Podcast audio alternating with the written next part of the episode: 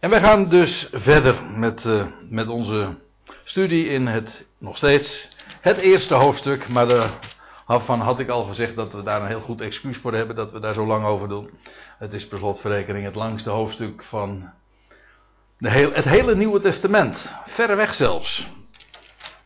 Dus ook vanavond is zeker niet de laatste avond. Om nog eventjes eh, terug te blikken op de studies die we tot dusver hebben gehad, een viertal. De eerste vier versen uit dit hoofdstuk gingen over ja, de inleiding tot het schrijven van het boek. En eigenlijk ook de aanleiding tot het schrijven van het boek. Per slotverrekening had schreef Lucas. Er zijn er wel velen die begonnen zijn met het optekenen van alles van de geschiedenissen van rond uh, de Heer Jezus Christus. Maar kennelijk uh, is niemand erin geslaagd om dat te completeren. En Lucas heeft het heel grondig allemaal aangepakt. Nou, hij uh, schrijft daarover in die eerste vier versen. Dan krijg je het gedeelte waarin gesproken wordt en verhaald wordt van de aankondiging van Johannes' geboorte. En dat gaat dan over Zacharias die in de tempel is en die verschijning krijgt van die hemelse boodschapper genaamd Gabriel.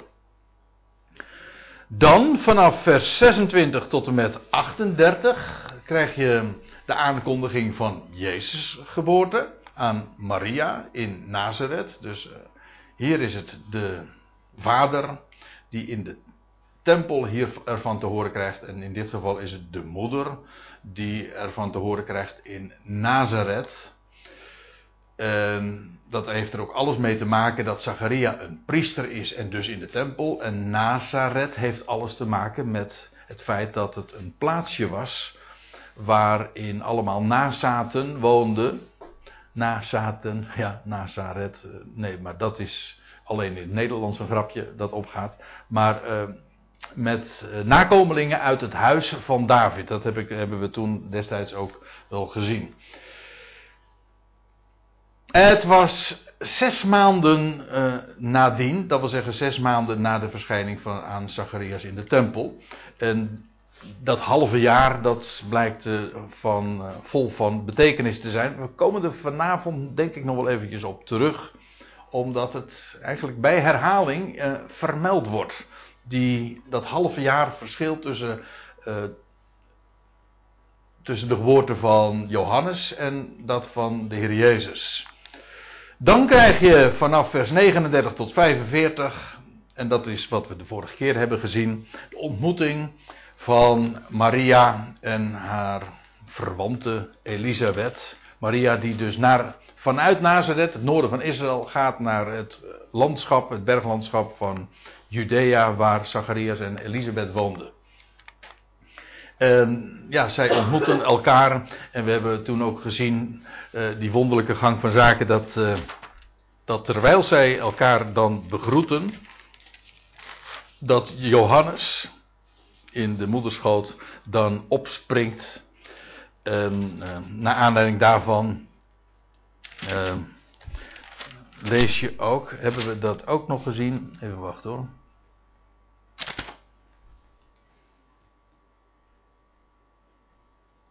Nee, nee, dat uh, hebben we niet meer besproken. Het betekent wel dat we vanaf nu dus in vers 46 aankomen. En het feit dat we dat nu bespreken in de, in de decembermaand, dat is puur toevallig natuurlijk. Want ja, straks in januari gaan we, januari, februari, gaan we pas de geboorte van de Heer Jezus bespreken. Want uh, zo zullen we dan ongeveer zijn, vermoed ik. Nu gaan we dus de lofzang, nou ja, zo wordt het meestal genoemd, hè, de lofzang van Maria. Eigenlijk, uh, dat staat niet in de Bijbel dat zij dit zingt. Uh, je leest, zij zeide dit, zij zei dit. Dus dat kan zij gezongen hebben, maar het staat niet vermeld. Het wordt uh, traditioneel altijd de, de lofzang genoemd. het is misschien even goed om erop te wijzen dat dat een bepaalde structuur ook heeft. Het valt eigenlijk uiteen in twee delen, twee helften. Waarbij de eerste helft parallel loopt met het tweede helft. De eerste helft begint dan met God ziet om. En dan lees je naar de lage staat van zijn slavin. En het tweede deel, dat uh, begint dan en verhaalt dan en heeft als centraal onderwerp dat God verhoogt de nederige. Nou, u ziet, dit komt overeen. Hij ziet om naar de lage staat van zijn slavin, oftewel hij verhoogt de nederige. En dan vervolgens uh, krijg je de ontferming, is dan het grote onderwerp. De ontferming voor wie hem vrezen, namelijk de Heere God. En het eindigt, dan, het tweede deel eindigt daar ook mee, namelijk de ontferming voor het zaad, uh, of over moet ik dan eigenlijk zeggen, uh, het zaad van Abraham. Dus dat is de, het gedeelte in zijn, uh, in zijn totaliteit even bezien. Je ziet altijd dat. Uh, ik wijs er niet altijd op, maar het is, het is zo dat zulke schriftgedeelten altijd een bepaalde uh, opbouw hebben. En een nadeel van de wijze waarop wij de, nu de, de, de schrift bestuderen. Ja, ja zo, moet, zo kun je het zeggen. Omdat je natuurlijk nogal in de details gaat. Dat wil zeggen, je gaat naar naar zinsdelen, naar soms zelfs naar alleen maar een woord kijken. Dan zit je eigenlijk met een je moet, daarmee zou je het kunnen vergelijken met een vergrootglas op de tekst. En dat heeft het voordeel dat je dan allerlei dingen ziet die je normaal gesproken uh, niet ziet en waar je heel gemakkelijk overheen zou kunnen kijken. Maar uh, het nadeel van dat vergrootglas, dat inzoomen zeg maar, is dat je het grote geheel en, en de verbanden gemakkelijk ontgaat. Dus vandaar ook dat ik bij afwisseling uh, dat toch graag wil laten zien. Hè, zodat je niet alleen maar de details ziet, maar dat je ook het grotere geheel ziet. Hè. Meer een, zoals dat dan heet, een helikopterview. Zodat je eens even, wacht, uh, het, hele gedeelte uh, overziet en dat je dan ook de opbouw opmerkt. Goed, nou dan gaan we nu dan toch naar de vers voor vers bespreking. En dan lees je in vers 46, terwijl dus, dat is het idee, Maria is dus uh, gearriveerd bij Elisabeth. En nou ja, ze hebben elkaar begroet. En dan lees je dat Maria eigenlijk ja, uitbreekt. Want als je de inhoud zo op je laat inwerken, dan is dit ja, met grote kracht naar, naar voren gebracht. Ze zegt: Mijn ziel maakt de Heere groot. Of maakt de Heer groot. Dit lied, nou, nou zeg, ga ik zelf ook mee in die, uh, in die formulering, maar of deze lofprijzing, laat ik het dan wat correcter zeggen, dat wordt uh, gewoonlijk genoemd het, uh, het Magnificat. Kent u dat? Dit, in, de, in de liturgie wordt het heel vaak genoemd. En, eh, vooral bij de Rooms-Katholieken is, uh, is het een hele bekende lofzang. Maar ook in de klassieke muziek, ik heb het nog eens nagekeken, maar uh, allerlei grote grootheden zoals Johann Sebastian Bach, die hebben dit, dit, deze lofprijzing hebben ze op muziek gezet. En dan heet dat zo, het Magnificat. En dat is eigenlijk een, de Latijnse vorm van maakt groot in megalunai. Mega betekent groot, hè, mega. Micro en mega. En in het Grieks staat hier megalunai. En dat betekent groot maken. Maar in het Latijns is dat dan magnificat. Nou, dat, is, dat heeft te maken met zo begint deze lofprijzing. Magnificent. Magnificent, ja, inderdaad. Ja, dus het Engelse magnificent komt rechtstreeks uit het, uh, uit het Latijn. Magnifiek, het uh, Frans dus ook. Magnifiek. Groots is dat dus. Mijn ziel maakt de Heer groot, zo begint ze. En ik, ik, heb, ik weet niet uh, hoe een van jullie dat uh, vergaat, maar ik heb dat altijd wat vreemde formulering gevonden als dan gezegd wordt van we gaan de Heer groot maken. Want dan denk ik van, hoezo groot maken? De Heer is toch al groot? maar ik moet erbij zeggen, het heeft wel degelijk ook een, een bijbelse grond om het op die manier te formuleren. Het is namelijk, kijk, als je zegt, mijn ziel maakt de Heer groot. Kijk, objectief gezien maak je de Heer niet groot, want Hij is al groot. Dus objectief gezien is dat niet waar, maar het is ook niet objectief, het is subjectief. Hij zegt namelijk, mijn ziel maakt de Heer groot. Dat wil zeggen, voor mijn ziel, de voor de ziel van mij wordt Hij groot. En dat is een heel ander idee. De Heer zelf wordt niet groter, natuurlijk doordat wij Hem bejubelen. Nee, Hij is groot. En voor mijn ziel, mijn ziel wordt dat duidelijk. En als het in mijn ziel ook dat, als dat kwartje, als ik het zo mag zeggen, valt, ja, dan wordt hij ook voor mijn ziel groot. Kijk, en dat is het idee van mijn ziel maakt grote Heer. Dat wil zeggen, voor mijn ziel wordt hij steeds groter. En dat is waar ze eigenlijk ook uitdrukking aan geeft. Hebben we toch nog wat uh, begrip gekregen voor, uh, voor, ja, voor dat soort formuleringen. Ik vind trouwens wel van belang dat je ervan bewust van bent. Want we kunnen dat met zo, uh, zo gemakkelijk dan zeggen van nou, we gaan de Heer groot maken. Als je, eigenlijk het, als je het zo zegt, dan deugt het, dan klopt het ook niet helemaal natuurlijk. Want we gaan niet de Heer groot maken. Maar, maar zoals Maria het zegt, ja, voor mijn ziel, ja, wordt de Heer groot gemaakt. Dan klopt het wel. Maar dan is het subjectief, voor mijzelf, in mijn beleving. En mijn geest jubelt op de God zo staat het eigenlijk, hè? Over, nou, dat staat letterlijk op de God van mijn, van, van mijn, op de God namelijk mijn redder. Nou, dit is nou typisch zo'n eh, formulering die je zo vaak eh, tegenkomt. Dat heet een, een parallelisme. Um, nou ja, daar zit het woordje parallel in. En dat betekent dat twee dingen gelijk lopen. Nou, laten we het eens een keer um, zien. Vers 46 staat dan: Mijn ziel maakt de Heer groot. En dan in vers 47 hier: En mijn geest jubelt op de God, mijn redder. Waarbij mijn ziel parallel loopt met mijn geest. Waarmee ik overigens niet zeg dat het dus hetzelfde is. Dat mijn ziel hetzelfde is als geest, want ziel is wat anders dan geest. Maar het loopt wel parallel. En maakt groot. Dat komt overeen met jubelen. En de Heer, ja, dat komt overeen met wat in 47 dan genoemd wordt, de God, namelijk mijn redder. Of, uh, zoals je dat in het Oude Testament nog eens een keer beschreven vindt, de God mijns heils. Hè? Maar mijns heils betekent niks anders dan van mijn redding. Oftewel, de God, namelijk van mijn redding. De God die mij redt. Ja, in de, mijn, oh, staat er hier ook de, mijn zaligmaker? Oh ja.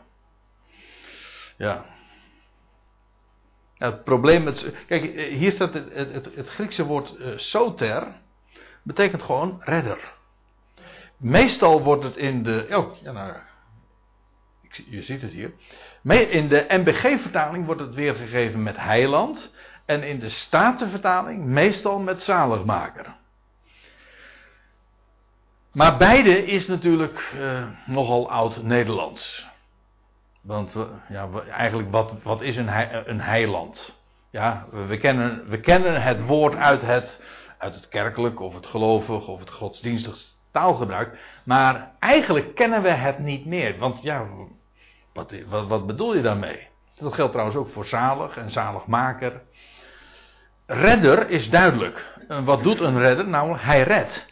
En dat is ook precies de betekenis van het woord heiland. Hij brengt heil, maar heil is eigenlijk ook niks anders dan redding.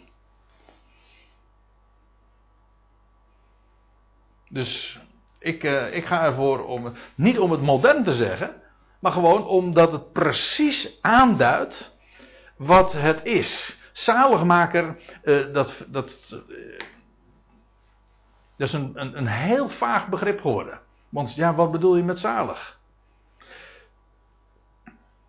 Ook, ook, in de godsdienstige zin heeft het een hele brede betekenis gekregen. Uh, zalig worden, dat, dat betekent uh, voor velen dan nou, dat je uiteindelijk dat het uh, goed komt met je, na de dood of zo. Het kan ook nog de betekenis hebben van gelukzaligheid. Iets is zalig. Hè? Zalig kerst. Ja, dan heeft het de betekenis van zalig kerstfeest. Dan bedoelen we, heeft het ongeveer de klank gekregen van een gelukkig kerstfeest. Maar uh, ja, dat betekent, het, het uit naar alle mogelijke betekenissen. Maar ja, als het alles kan betekenen, dan betekent het dus eigenlijk niks meer. Daar komt het op neer. Terwijl het een heel specifiek woord is. Geldt trouwens ook voor het woordje heil en heiland. Want ja, heil is. In het, het, Nederlandse woord heil komt eigenlijk van heel.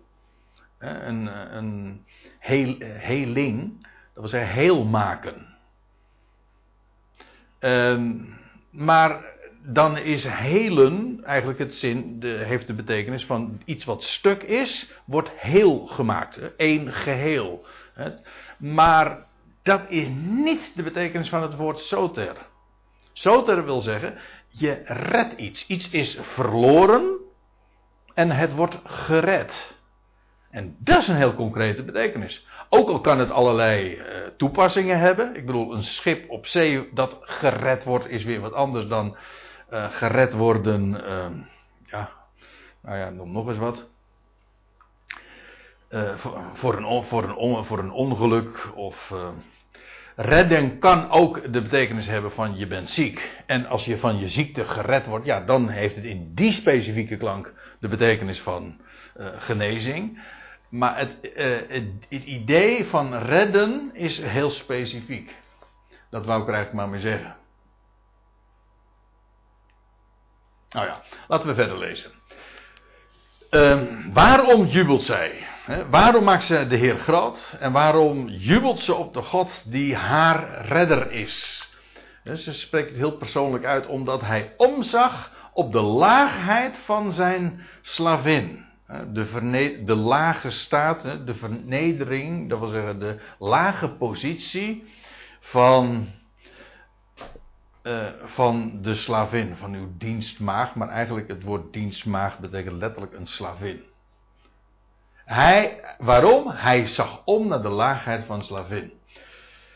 Het is opmerkelijk, ik zal uh, straks nog een paar keer opwijzen, dat deze lofprijzing van Maria heel veel gelijkenissen vertoont met de lofzang van Hanna, eh, die je aantreft in 1 Samuel 2. U weet, waarbij ik aanteken, eh, want de connecties zijn, die stapelen zich op, want van Samuel weten we natuurlijk ook dat hij voortkwam uit een onvruchtbare vrouw. Elkana had twee vrouwen, jawel, Hanna en Penina. En Hanna was een van de twee, die was onvruchtbaar. En die bad toen de heren in de tempel. Zo vurig dat ze, Eli dacht dat ze dronken was. Weet je nog, die geschiedenis. En uh, als zij dan uiteindelijk toch zwanger wordt. En dan is Hanna zo ontzettend blij. Dan uh, doet ze ook de toezegging dat als dat ventje dan eenmaal de leeftijd zou hebben dat hij dienst zou gaan doen in de tempel. Hoewel ze helemaal geen, geen Levitische afkomst had, maar hij zou gaan dienst gaan doen in de tempel. Waarmee Samuel trouwens ook weer een prachtig type is van, van de Heer Jezus Christus die uiteindelijk ook weliswaar geen priester is, maar wel degelijk vandaag ook priesterlijk werk doet. Maar goed, daar gaan we het nu verder niet over hebben. Het gaat er even om dat als uh, Maria dit zo zegt, dan lijkt dat heel erg op wat Hanna ooit al zei uh, in haar lofzang. Hij heft de geringen op uit het stof. Hij heft de armen omhoog uit het slijk. Dat is over redding gesproken trouwens. Dat is ook redding. Je wordt gered uit die armzalige, eh, vernederde toestand. En hij doet, zegt ze ook in diezelfde verse, hij doet de, de doden herleven. God ziet daar naar om. Want neem waar, zegt ze. Vanaf nu zullen alle generaties mij gelukkig prijzen. Ja, gelukkig prijzen. Hoezo? Nou, omdat zij de unieke staat zou hebben van Israëls Messias te zijn. Heel het volk al, keek al duizenden jaar uit naar de komst van de Messias. Wel, zij zou de moeder van de Messias van Israël zijn. Wat zeg ik, de redder van de wereld. En moet er trouwens bij zeggen, want we hadden het net even over dat Magnificat, dat zo'n grote rol speelt in de Rooms-Katholieke Kerk. Dat heeft er natuurlijk ook mee te maken dat Maria uh, een, een rol heeft gekregen in het Rooms-Katholicisme, die ver buiten eh, de Bijbelse kaders is komen te vallen. Maar ja, hè, als we het daarover hebben, daar zijn zoveel voorbeelden van. Maar uh, de rol van Maria is daar toch wel een heel sterk voorbeeld van hoe, hoe men aan de ene kant uh, allerlei bijbelse waarheden vergeet. En aan de andere kant dat men uh, bepaalde bijbelse waarheden zo opblaast. Dat het volkomen buiten zijn proporties is. dan heeft men van Maria gemaakt, de, zo noemt men haar ook. Hè? Dus de, de rooms-katholieke aanduiding van Maria is dat zij de moeder van God zou zijn. Het idee is, Jezus is God. Aangezien Maria de moeder van Jezus is, is Maria dus de moeder van God. Ja. ja. Nou, op elk, in elk schakeltje is, daar valt aan, dingen op aan te merken. Maar het is geen bijbelse term. Het is gewoon, ja, absoluut het is net zo onbijbels als te spreken over drie-eenheid of over God de Zoon. Dat zijn allemaal termen die de Bijbel niet gebruikt en dus zouden we ze gewoon ook gewoon moeten parkeren. En ja, het, het, het verwart alleen maar. Uh, als je bijbels wilt denken, dan moet je gewoon ook bijbelse termen en begrippen gebruiken. Dan blijf je zuiver in je denken. Ik bedoel, we moeten allemaal leren om ja, gezond te denken. Dat betekent dat je ook bijbelse begrippen, woorden, je eigen moet maken. Maar één ding is zeker, deze Maria die realiseert zich naar de aanzeggingen die zij heeft gekregen, dat zij een bijzondere positie heeft gekregen. Een uit, een, de meest uitzonderlijke van alle vrouwen. Dat durf ik rustig zo te zeggen. En ieder zou haar gelukkig prijzen. Alle generaties die haar zouden volgen, die zouden volgen, zouden, zou iedereen zich ervan bewust zijn dat zij wel uh, een hele gelukkige staat heeft gekregen. Uh, Zo'n een, een, vrouwtje uit, uit Nazareth. Hè. En een slavin. En zij wordt de moeder van Israëls Messias. Nou ja, ze, zegt het zelf. Uh, waarom dan wel? Want vanaf nu zullen alle generaties mij gelukkig prijzen. Waarom? Omdat de machtige grote dingen aan mij doet. En heilig is zijn naam. Uh, eventjes dit. Maria is geweldig groots. Maar dat is niet omdat Maria geweldige grote dingen heeft gedaan of doet. Maar omdat God, uh, de machtige, grote dingen aan, aan mij doet. Ik denk dat dat zo belangrijk is om dat altijd je te realiseren. Als we wat zijn, dan is dat omdat God iets van ons maakt. En niet omdat wij iets. Ik bedoel, Maria heeft dit zichzelf niet. Eh, dat is een, een bizar idee. Hoe zou Maria hier enig aandeel in kunnen hebben? Dit overkwam haar met recht. De, de, de kracht van de Allerhoogste kwam over haar en de, ze werd overschaduwd. Dat overkwam haar. Vandaar ook dat ze zegt: De machtige heeft grotere dingen aan mij gedaan. En, daar, en vandaar ook wat het, eh, dat zij gelukkig is te prijzen. En heilig, dat wil zeggen apart gezet, is daarmee ook zijn naam. En staat er zijn ontferming tot in generaties. Met andere woorden, via Maria, want het onderwerp is nog steeds dat ze zegt van ja, wat God aan mij doet, dat heeft dus een uitwerking tot in generaties. En via Maria worden alle generaties ontferming bewezen. Waarmee je natuurlijk niet kan zeggen, dat is trouwens ook weer een rooms-katholieke term, die zeggen Maria is medeverlosseres. Ze, zeggen niet alleen het is uh, de moeder van God, maar ze zeggen ook ze is medeverlosseres. Dat is natuurlijk onzin. Het is niet medeverlosseres. Ook Maria moest zelf verlost worden. En bovendien, er is maar één middelaar tussen God, van God en mensen. Zij is de, de moeder, inderdaad, van degene die dat zou doen. Maar daarmee is ze zelf geen verlosser. Het is de moeder van de verlosser.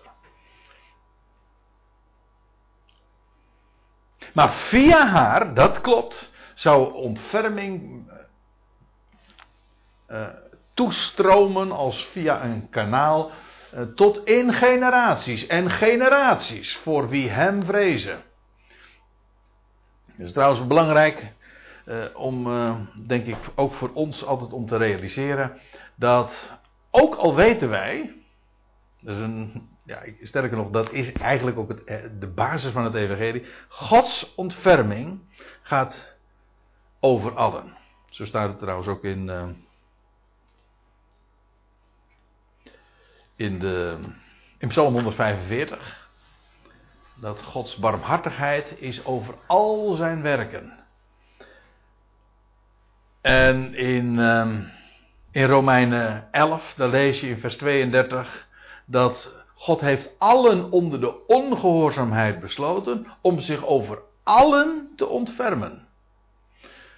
Ja, maar wanneer komt die ontferming tot, tot de mensen, of tot welk schepsel dan ook? Dat is altijd via de vrezen en de ontzag voor Hem. Doordat mensen Hem geloven, zich voor Hem neerbuigen. Dat is de wijze. Dus ik, het is niet zo dat geloof uh, de voorwaarde is om gezegend te worden, maar geloof is het kanaal waardoor de zegen komt. Het is geen voorwaarde. Het is het, de wijze waarop God zegent en God zich ontfermt en zijn ontferming ook bewijst. Waardoor het ook tot je komt.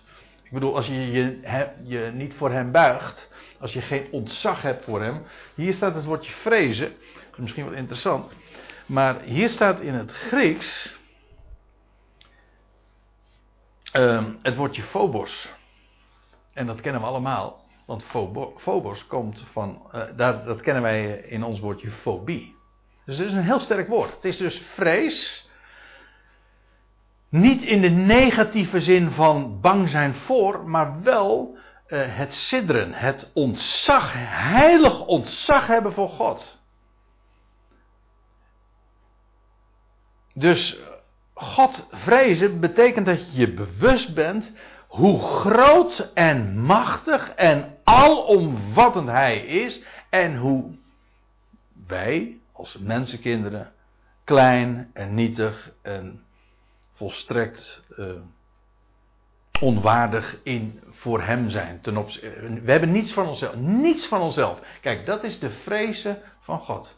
Het gaat allemaal om Hem en totaal niet om onszelf. En dat is de vreze Gods. En zo komt ook uh, de ontferming ja, tot, tot heel, heel het mensdom. Uiteindelijk gaat elke knie ook buigen en komt elk mens ook tot die erkenning. En vandaar ook dat, die, dat God ook uh, elk mens zo ook daadwerkelijk redt. Maar dat gaat dus niet buiten ontzag eh, voor God om. Het is dus, je kunt dus eigenlijk ook niet zeggen dat God ook de ongelovigen redt. Nou, dan moet je goed begrijpen wat ik nu zeg. God redt geen ongelovigen. God redt gelovigen. Wat, wat de Bijbel juist zegt, is dat God alle mensen uh, doet geloven. En hem zo, uh, en de knieën zal uh, laten buigen en dat ze komen tot erkenning van hem. Maar dat zijn, zijn, op dat moment zijn ze dus geen ongelovigen meer.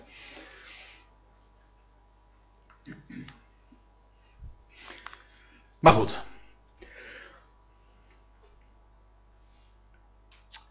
Zijn ontferming is tot in generaties en generaties voor wie hem vrezen. Hij doet machtig in zijn arm. Ik, uh, ik wijs er lang niet altijd op hoe het dan precies in de of hoe, hoe dat in de gewone vertalingen staat. Je ziet dat in die grijze onderste regel wat betreft de MBG. Hij doet een krachtig werk, staat eraan, door zijn arm. Ja. Ehm, zijn arm is een, eigenlijk een, een symbool van kracht. Eigenlijk, je ziet trouwens, dit woord arm is feitelijk zelfs de bovenarm. En dan wordt het nog wat duidelijker, want bij ons ook is de bovenarm juist het symbool. Als ik het zo doe, dan begrijp je meteen wat ik daarmee bedoel. Van kracht. Als je sterkte wil uitbeelden, dan doe je dat op deze wijze. Daarin is kracht gelegen. En God doet machtig in zijn arm. En elders heet dat dan ook dat God uh, een sterke hand. Uh, je leest uh, nog wel eens een keer in de, bij de profeten dat zijn God zijn volk uitredde met sterke hand en met hoge arm. Soms ook met sterke arm. Maar in ieder geval, zo doet hij, betoont hij zijn kracht en zijn macht. En hij verstrooit hoogmoedigen. Moet ik er ook nog even op wijzen, want als je nu in de MBG en ook in de Statenvertaling dit meeleest, dan zie je meestal dit in de zogenaamde perfectum staan, in de voltooid tegenwoordige tijd. Er staat er, hij heeft uh, hoogmoedigen verstrooid. Staat het in de Statenvertaling ook zo? Vers 51. Ja, ja. Hij heeft verstrooid, maar het staat in het Grieks niet in, de, in die voltooide vorm. Hij heeft verstrooid. Het staat in het Grieks in een vorm waar, ik heb het al veel vaker al op gewezen, een, een, een, een werkwoordvorm die in het Grieks heel veel gebruikt wordt. En wij eigenlijk niet echt goed kennen. Tenminste, niet zo één op één als, het, uh, als ik het nu ook uitdruk. Uh, en dat is de aorist. Aorist, dat betekent letterlijk zonder horizon. Hè, dus zonder horizon. En dat betekent uh, tijdloos. Het is dus een werkwoordsvorm waarbij er geen gedachte aan tijd zit. Dus het feit wordt gesteld. Dus het, is niet, het gaat er niet zozeer om dat God dat nu verstrooit, of zal verstrooien, of heeft verstrooid. Nee, God verstrooit. In dit geval de gedachten, of de overleggingen, of de denktrand van de hoogmoedige. Dus het gaat er niet om dat hij het gedaan heeft, of nog zal doen, of het nu bezig is. Nee, het staat er op een tijdloze manier. Het feit wordt gesteld. Dat is, dat, dat is de kracht van dat woordje, van die aorist. Dus zonder connectie met wanneer het zal zijn, dat doet niet de zaken, hij doet het. Wanneer dan ook. Dat is het idee bij Aorist. En dan begrijp je ook dit, deze lofprijzing van Maria veel beter. Want er staat hier van, hij heeft uh, hoogmoedigen verstrooid. Nou, het gaat er niet zozeer om dat Maria nu erop wijst van dat dat in het verleden gebeurd is. Dat wekt de wijze waarop de MBG-vertaling dit of de vertaling in het algemeen dit eh, zo weergeven, suggereert alsof ze wijst op iets wat al plaatsgevonden heeft. Daar gaat het Maria niet om. Ze wijst er gewoon op, God doet dat. Dat heeft hij in het verleden gedaan, dat doet hij nu en dat zal hij trouwens ook nog doen. Het feit wordt het, feitelijk is het denk ik vooral ook profetisch, namelijk hij gaat dat straks en via de geboorte van het kind dat bij haar verwekt wordt, gaat hij dat realiseren. Hij zal uh, zo zijn macht in zijn arm tonen. Volk Israël natuurlijk, die gaat ook verstrooien. Ze waren al. Ja, ja. Dat zou hij nog doen. Ja, ja.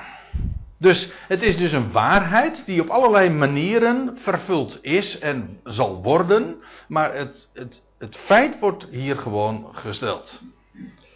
En hier gaat het erom, hij verstrooit hoogmoedigen uh, in de denktrand van hun hart, hè, in, de, in hun denkwijze. En in dit geval is dat, ja, hoe, wat is de denkwijze, de denktrand van een hoogmoedige? Nou, dat is verwaandheid. Hij is arrogant. Is, eigenlijk staat dit uh, pal te, uh, tegenover degene die God vrezen. Degene die God vreest, realiseert zich zijn eigen kleinheid. tegenover die almachtige God. De hoogmoedige die denkt dat allemaal zelf in de hand te hebben. Maar dat is verwaandheid. En God verstrooit dat zomaar. Dat wil zeggen, hij er zet zomaar een streep doorheen. Door al die plannenmakerij van de mens. Als collectief, gewoon al de volkeren, wat de wereld denkt van, nou, dat gaan wij bewerken. En God die in de hemel zetelt, die lacht. Ja, ik vind dat dat het weer een, eh, een geweldige gedachte. Dat, waar wij zo van onder de indruk zijn, dat, dat zegt God. Peanuts, dat stelt helemaal niks voor. Het geldt ook voor individuele dingen. Ik hoorde vandaag nog een, een verhaal van iemand die. Uh, ja, van iemand die uh, uh, zeer ernstig ziek was, is, en nog maar heel kort te leven heeft, en van alles. Um, ja, ik vind het een beetje lastig om dat nu zo te vertellen. Maar goed, laat ik het even algemeen houden. We hadden het net over AVG, hè, dus zo in die trant uh, moet je een beetje uitkijken met, met zulke dingen te vertellen. Maar ik bedoel in, in het algemeen. Uh, mensen kunnen zich verbeelden dat ze door hun bepaalde leefwijze gewoon tot in lengte van jaren gezond zullen zijn. Vergeet het maar. Dat is niet zo. En allemaal worden we wel zomaar eens een keertje op, met ons neus op de feiten gedrukt. Je denkt van nou, dat overkomt zo iemand niet. Ja. En God uh, verstrooit zomaar de denktrand zo van het hart. Van in feite uh, zulke hoogmoedige overleggingen.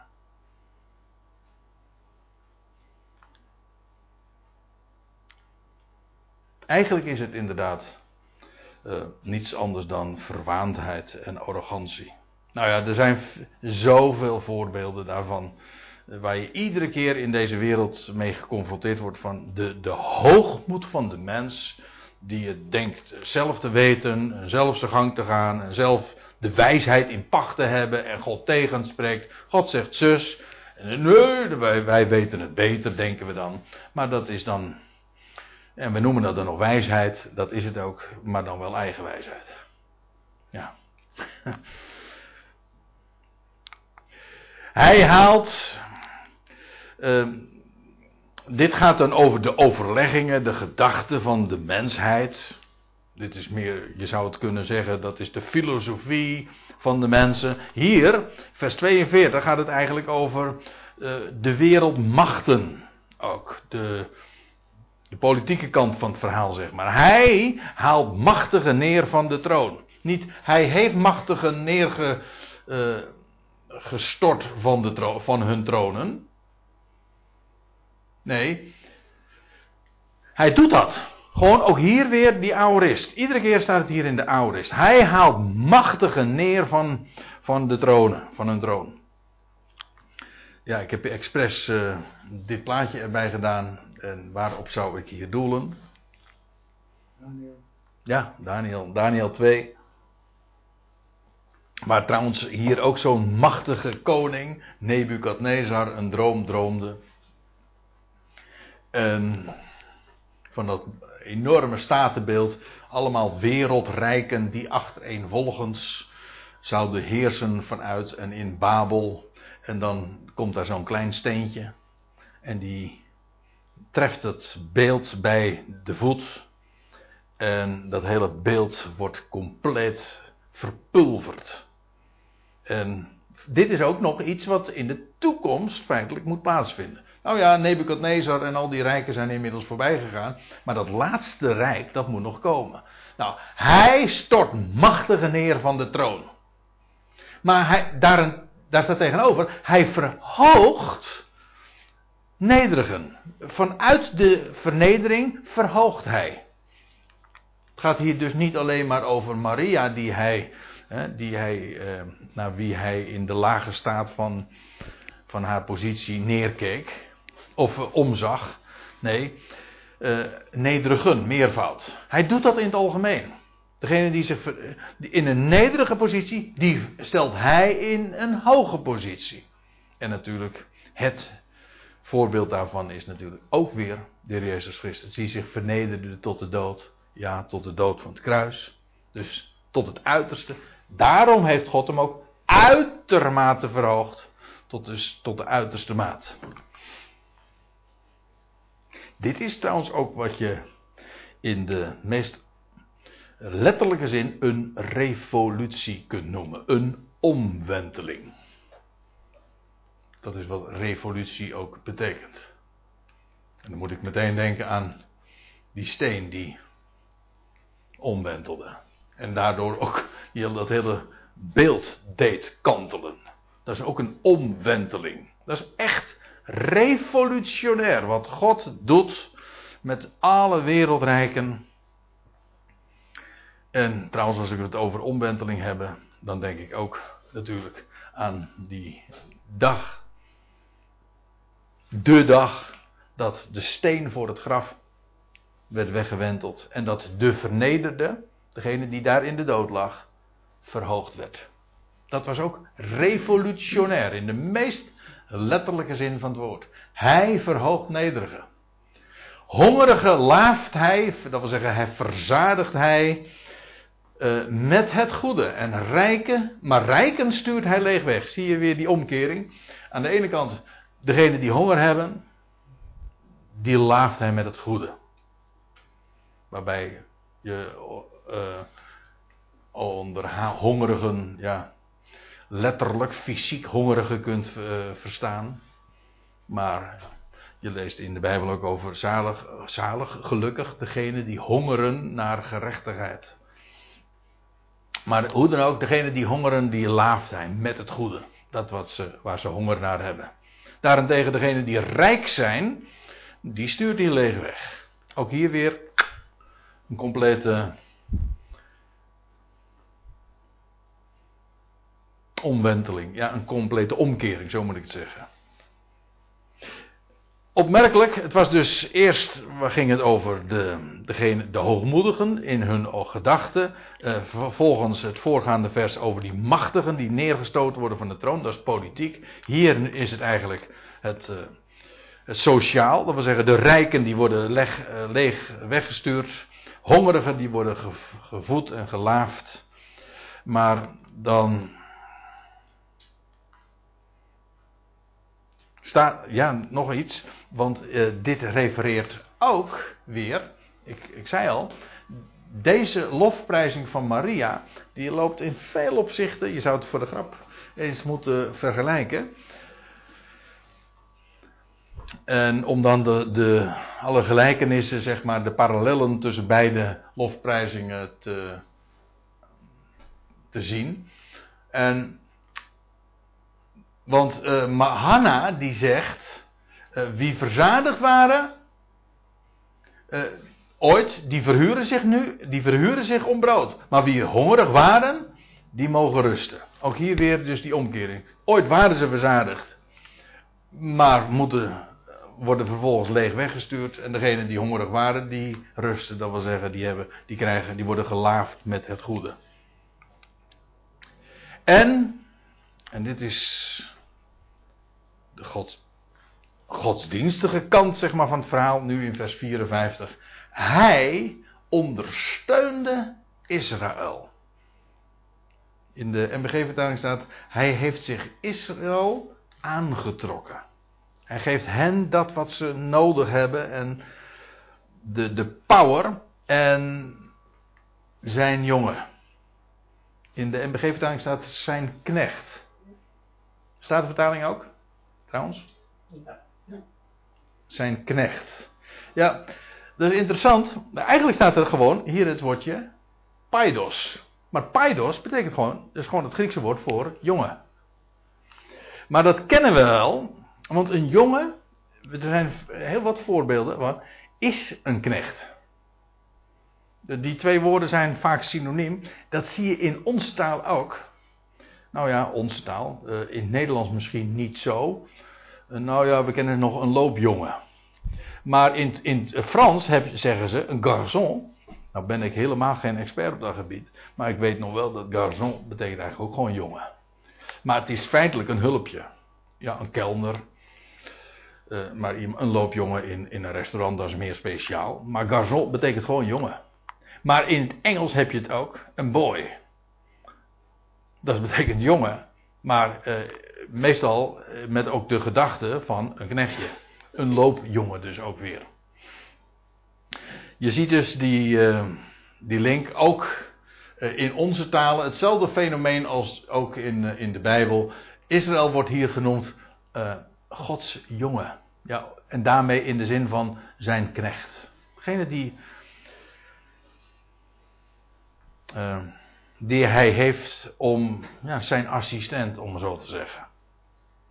Hij ondersteunde Israël zijn jongen. Waarom? Om te gedenken van ontferming.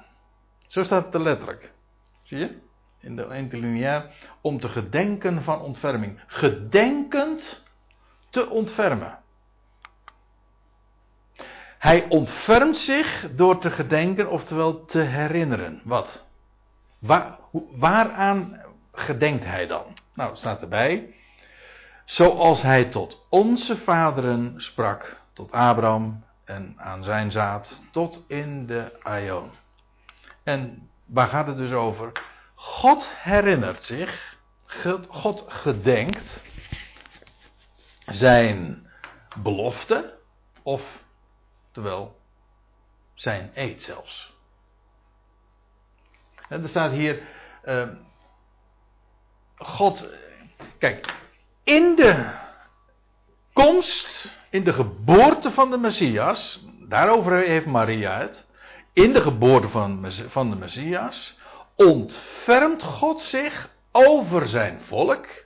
Waarom? Hij gedenkt dat wat hij ooit al duizenden jaren eerder heeft gesproken en beloofd en gezworen zelfs aan onze vaderen.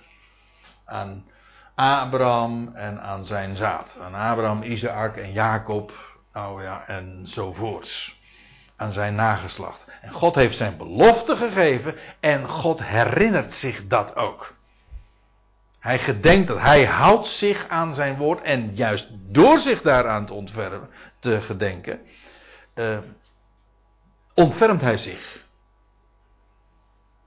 Hij vervult wat hij belooft.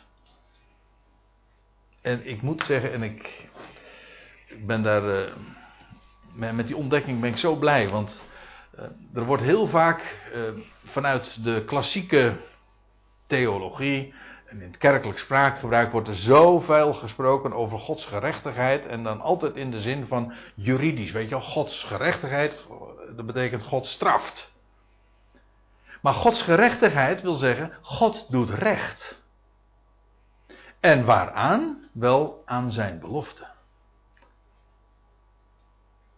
Want belofte maakt schuld. Als God aan Abraham zijn belofte geeft en zijn eed zweert, verplicht God zichzelf om dat te vervullen. En als Gods gerechtigheid geopenbaard wordt, dan betekent dat hij doet recht aan dat wat hij ooit gesproken heeft. Oftewel, hij vervult zijn woord. Hij doet daar recht aan. Gods belofte, eh, dat wordt in deze maand uh, vele plaatsen gezongen. Gods belofte wordt heerlijk vervuld. Nou, dat is zijn gerechtigheid. En dat is tot in de aion. En als dat, dat tot in de aion, dat slaat op dat ontfermen. Hij ontfermt zich tot in de aion. En dan gaat het vooral over de aion die nog gaat komen. De, die eeuw waarin de Messias zal heersen. Nou, dat is de lofprijzing van Maria. En ik stel voor dat we, ik zie dat het inmiddels al over negen is, dat we straks eh, verder gaan dan bij vers 56.